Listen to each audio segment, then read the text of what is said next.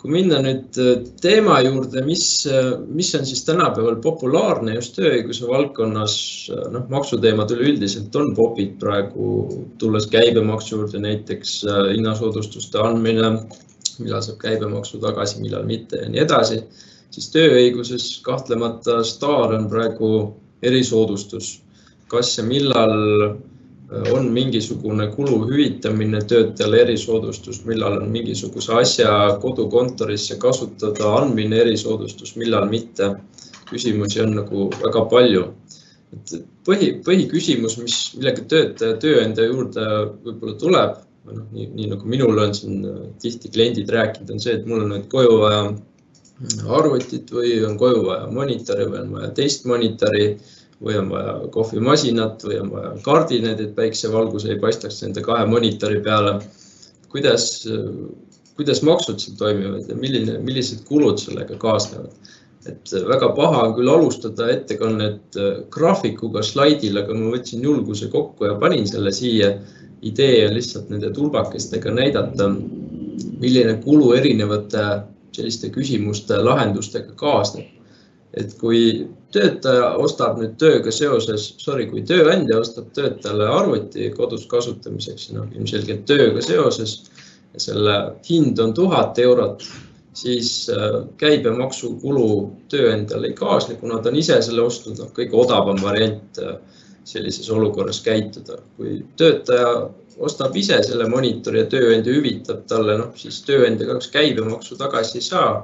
et see on natukene kulukam variant, mida teha, et noh, alati on parem tööga seotud asju äh, tööandjal ise osta, kas siis äh, arvutit või näiteks ka, ma ei tea, internetileping teha äh, töötajale koju.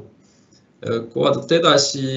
kolmas tulp, mis on neljandaga suht sarnane, et siin on alternatiivid, et töötaja saab lihtsalt tuhat eurot pea, peo peale ja ostab sellega midagi omale enda otstarbeks ehk siis ehk siis äh, ise teab, mis teeb selle rahaga. ja neljas variant on erisoodustus, et need kaks viimast on siis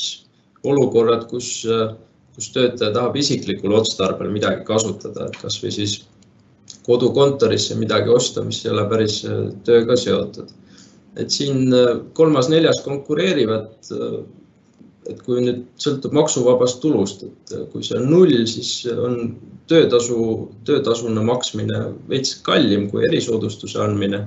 kui maksuvaba tulu on maksimaalne või, või seal lähedal, et noh, siis on tuhat eurot peo peale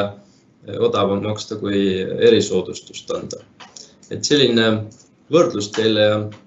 selline visuaalne arusaam, et kui palju need maksukulud ja üldised kulud tegelikult erinevad äh, tuhande eurose kulu puhul. et kui nüüd edasi minna, siis põhiküsimused seonduvad meil tavaliselt töövahenditega, et noh, töötaja soovibki saada koju monitori, kardinaid, kui valgus häirib ja töökeskkonna nõuded nõuavad, et vot tuleb see häiring kõrvaldada, siis EMTA seisukohalt oluline on sealjuures omand, et kes jääb nende asjade omanikuks, et kui need lähevad töötaja omandisse, töötaja ise nad ostab ja kui nende kasutus äh, ei lõpe ka peale töösuhte lõppemist, see, mis asjadest järel on amortisatsiooni arvestades, et neid tööandjale tagasi ei anta, et siis äh, erisoodustusmaksudega seal kahjuks äh, arvestama peab. ja noh, põhireegel erisoodustuse puhul ongi see, et tuleb vaadata, kas too hüve, asi, teenus, mis iganes, kas see on töötajale antud tööga seoses. et kui mingisugune hüve on antud töötajale, noh siis paraku ta erisoodustus on. ja kui ta on jällegi ettevõtluseks vajalik, suudate selle ära põhjendada, et paljuski selline kunstiline küsimus ja sõltub teie tegevusvaldkonnast, et siis ta ei ole erisoodustus. et noh, kõik järgnev jutt, mis ma räägin, tegelikult äh, ongi selle põhireegli edasiarendus. et nagu öeldud, siis kõige mõistlikum käitumine osta töövahendeid ja osta teenuseid, mida töö, töötajal on ka kodukontoris vaja, on selliselt, et tööandja ise ostab need, kuna ta saab ka käibemaksu sellisel juhul tagasi küsida. et tihti on see selliste väiksemate kulumaterjalide puhul ebamõistlik, et tööandja ostab, toob kuskilt laost, siis annab töötajale üle, kellest võib-olla oleks mõistlik eemal hoida praegusel ajal niimoodi füüsiliselt, et igasuguseid viiruseid vältida. et äh, siin võiks mõelda, kas töötajale anda tööandja nimel teatud asjade ostmiseks volikiri ja anda talle raha selleks, aga noh, eelkõige siis volikiri või siis võimaldada krediitkaart talle. et see on muidugi paljuski usalduse küsimus ja kas ja kellele selliseid asju anda, aga käibemaksukulu mõttes võiks äh, olla siis lahendus, kuidas töötajal oleks äh, selline paindlik moodus äh, koju mingisuguseid vajalikke asju osta, eelkõige siis kulumaterjale. Mis oleks veel mõistlik teha, kui töötaja koju saata kodukontorisse, siis nagu siin enne räägiti, peaks tegema kokkuleppe selle kohta, et kus on töö tegemise koht, muuhulgas võiks seal ka rääkida sellisest, sellest, milliseid töövahendeid töötajale koju antakse ja mis on tõenduslikus mõttes oluline, sinna lepingusse võikski kirja panna, et neid töövahendeid ei kasutata isiklikuks otstarbeks. Et noh, eks ta on selline deklaratiivne asi alati võib öelda, et paber kannatab kõike. aga kui asi jõuab ükskord maksumenetlusse, EMTA kontrollib, et kas nüüd see äh, monitor, mida kodus vaadati, et kas seda vaadati ka vabal ajal või mitte, et noh, siis selline deklaratsioon dokumendis on ka üks tõend, mida peab arvestama ja noh tõend on tõend, et kaal võib tal väike olla, aga sellegipoolest. Ehk siis tasuks kirja panna, et isiklikuks otstarbeks asju ei kasutata või kui kasutatakse, noh, tuleb lihtsalt arvestada siis erisoodustusmaksudega. ja mida on veel päris palju küsitud, on see, et kui töösuhe ühelt maalt lõpeb mm, või kodukontor lõpeb, et kas vanad asjad võiks jätta töötajale või, või mitte, et iseenesest, kui neil asjadel mingisugunegi turuväärtus veel on. Siiamaani on kasutatud neid ettevõtluses ehk siis tööülesannete täitmisel, siis kui need töötajale jätta, et noh, kasuta nüüd nii edasi, nagu sa ise tahad, et siis paraku erisoodustusmaksudega see maksustamisele läheb, et arvesse võetakse või maksubaasiks või millelt seda maksu arvestatakse, on siis äh, nende asjade hind tollel hetkel, kui see töösuhe lõpeb või kodukontori suhe siis lõpeb. Et näiteks tööandja on ostnud töötajale koju ähm, kardinad selleks, et äh, kodukontorina kasutatav tuba oleks selline, et äh, monitoril ei langeks aknast otse päiksevalgus. et siin töötervishoiu äh, ja töökeskkonna nõuded sellise nõude esitavad minu teada. et kui need, niikaua kui see töösuhe seal on ja kardinad ripuvad, on kõik hästi mingit maksukohustust kellelgi ei ole, aga kui see kodukontor lõpeb, töösuhe lõpeb ja kardinad jäävadki sinna tuppa rippuma töötajale koju, et noh, siis tuleb hakata erisoodustusmaksu maksma ja kardinate turuväärtust äh, hindama. Ähm, mis on äh, selline äh, rusikareegel kodukontori puhul, on see, et võimalusel võiks kodukontori ruumi moodustada eraldiseisev tuba ja kohtupraktika ütleb, et väga hea on veel see, kui see toa uks lukku ka käib. Et see võimaldab äh, palju lihtsamini argumenteerida seda ja tõendada seda, et äh, toda tuba ei ole kasutatud eraotstarbel ja igasugustele asjasse puutumatutele isikutele, näiteks abikaasa ja lapsed, on juurdepääs sinna toale takistatud ja nemad ei saa vabal ajal multikaid tööarvutist äh, vaadata. et see võib tunduda selline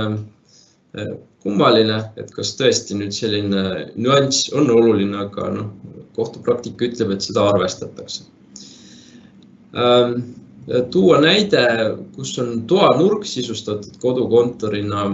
Äh, elutoa nurk oli see, kuhu pandi laud ja laua kohale pandi ka lamp, mis oli keskmisest võib-olla ilusam.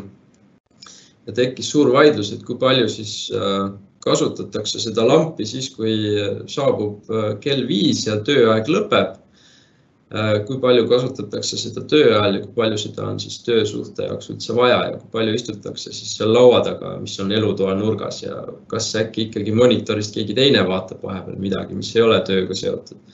ja noh, rusikareegel sellistel juhtudel on, et viiskümmend, viiskümmend proportsiooni arvestatakse, et viiskümmend äh, tollest kulust oleks nagu erisoodustus, viiskümmend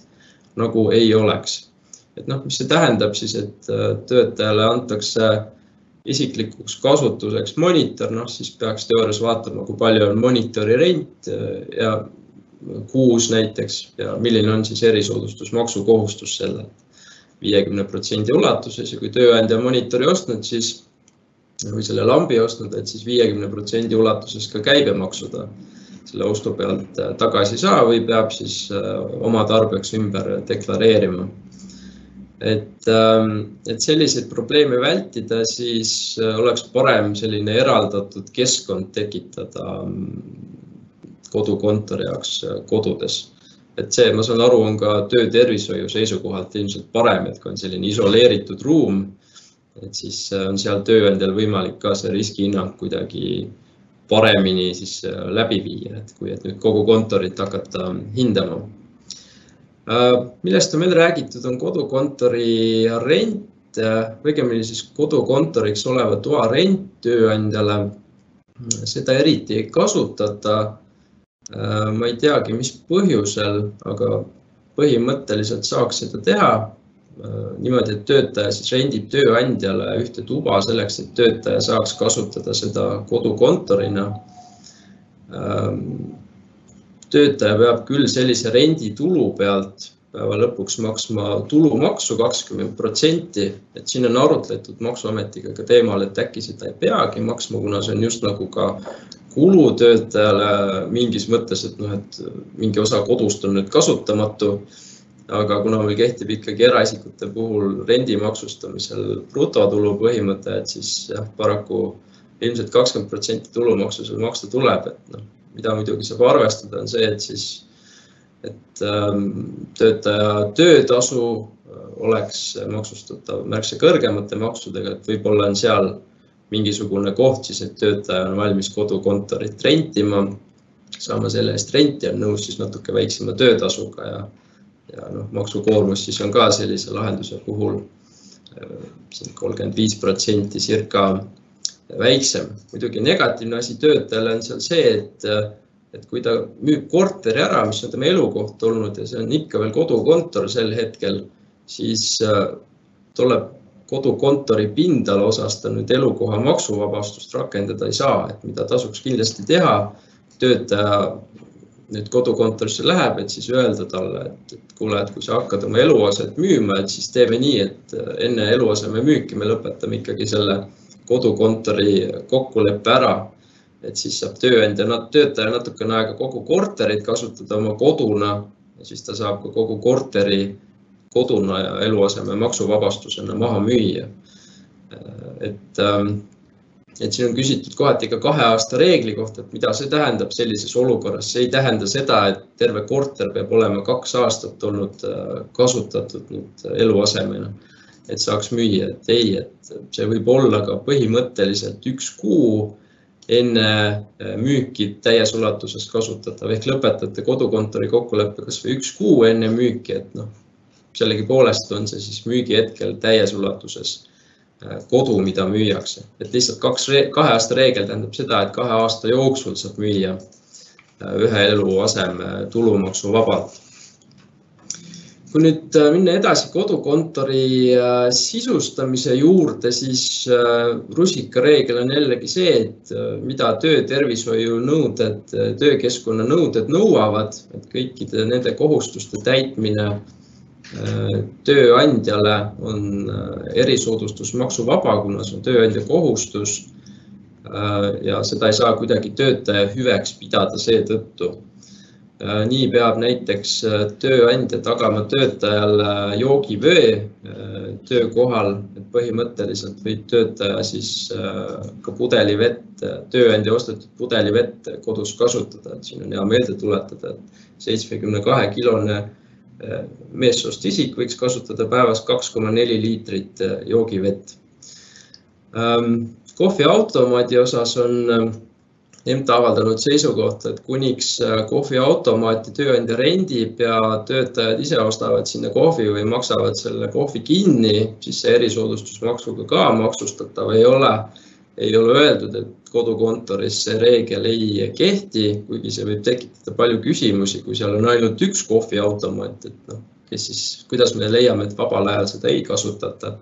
aga kui juhtumisi on kaks kohviautomaati, üks on isiklik, üks on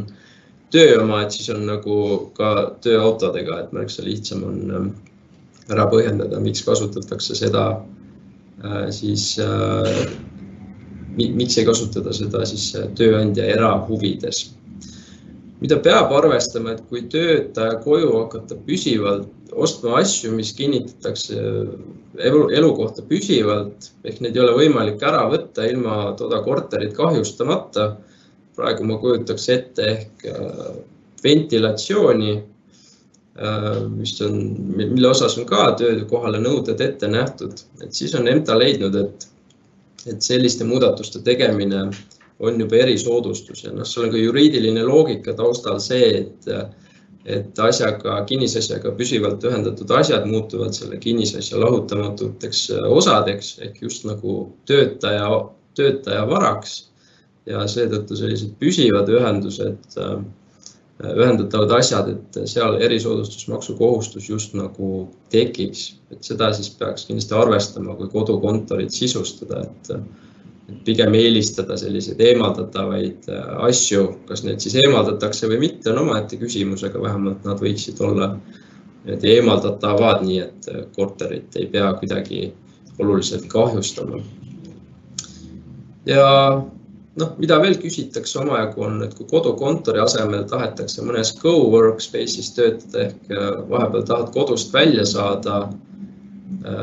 kontorisse ka nagu minna ei saaks, et kolleege ohutus kauguses hoida viiruse mõttes, et siis eh, kas co-workspace'is töötamisega seotud kulud on ettevõtlusega seotud või mitte, et noh, siin on suhteliselt kindel väita, et eh, on, noh, niikaua kui siis tööülesanded seal täidetakse ja jällegi tööandja saaks maksuvabalt sellise rentida või töötaja saaks ise rentida ja tööandja hüvitab talle pärast selle kulu, siis on jällegi käibemaks lihtsalt, mis kaotsi läheb, kui sedapidi teha. kui edasi vaadata tervise poolt, mis on äh,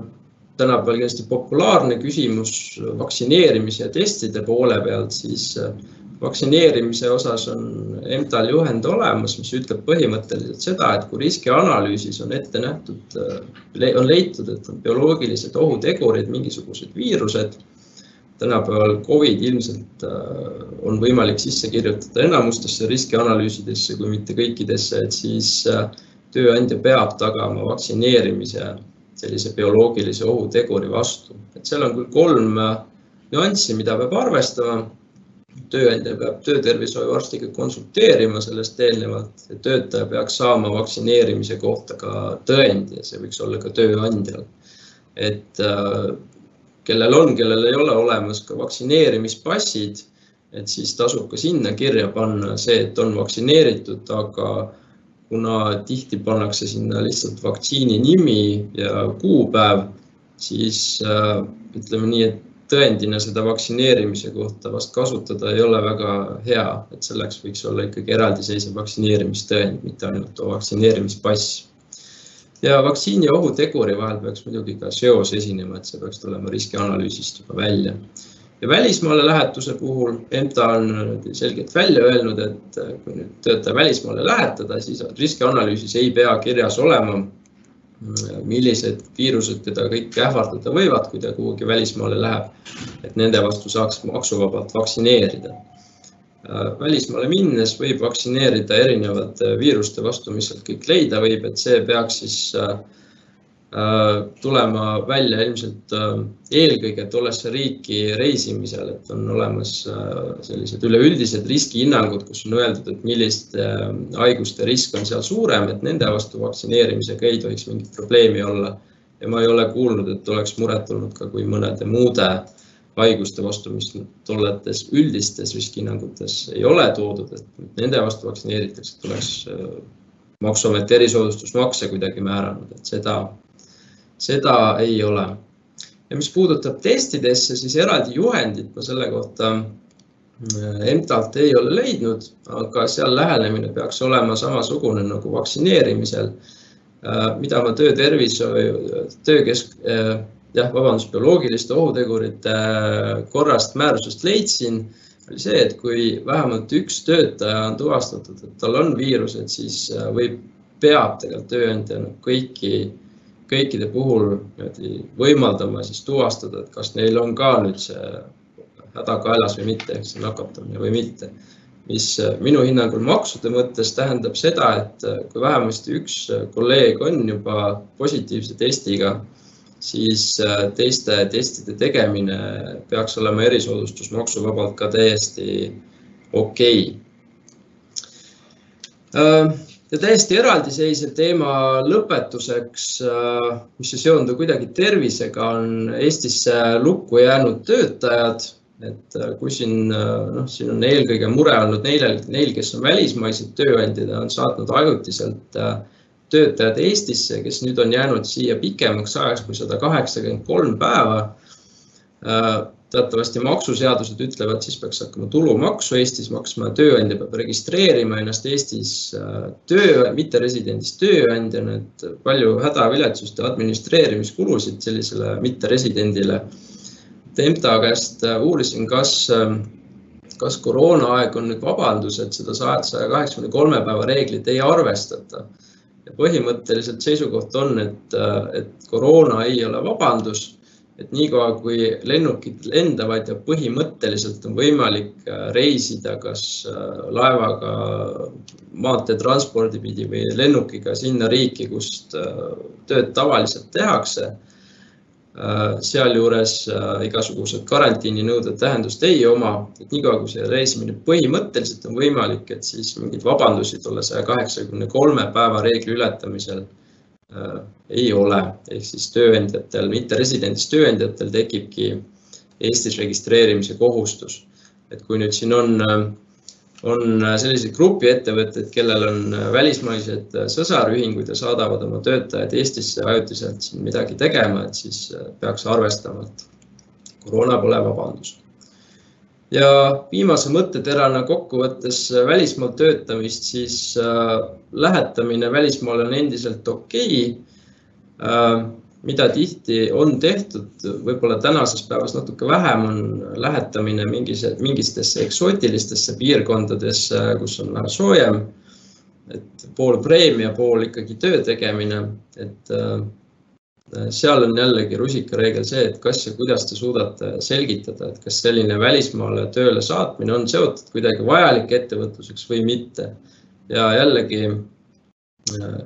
tavaliselt on see lõppenud erisoodustuse rusikareegliga viiskümmend, viiskümmend, et äh, kui ikka sooja kohta lähetad kuhugi näiteks Aasiasse, Kambodžasse, et siis äh, ja, ja kliente seal pole, koostööpartnerit pole, et siis viiskümmend tolle reisikuludest, mida tööandja on maksnud, et erisoodustusmaksudega seal on pidanud reeglina arvestama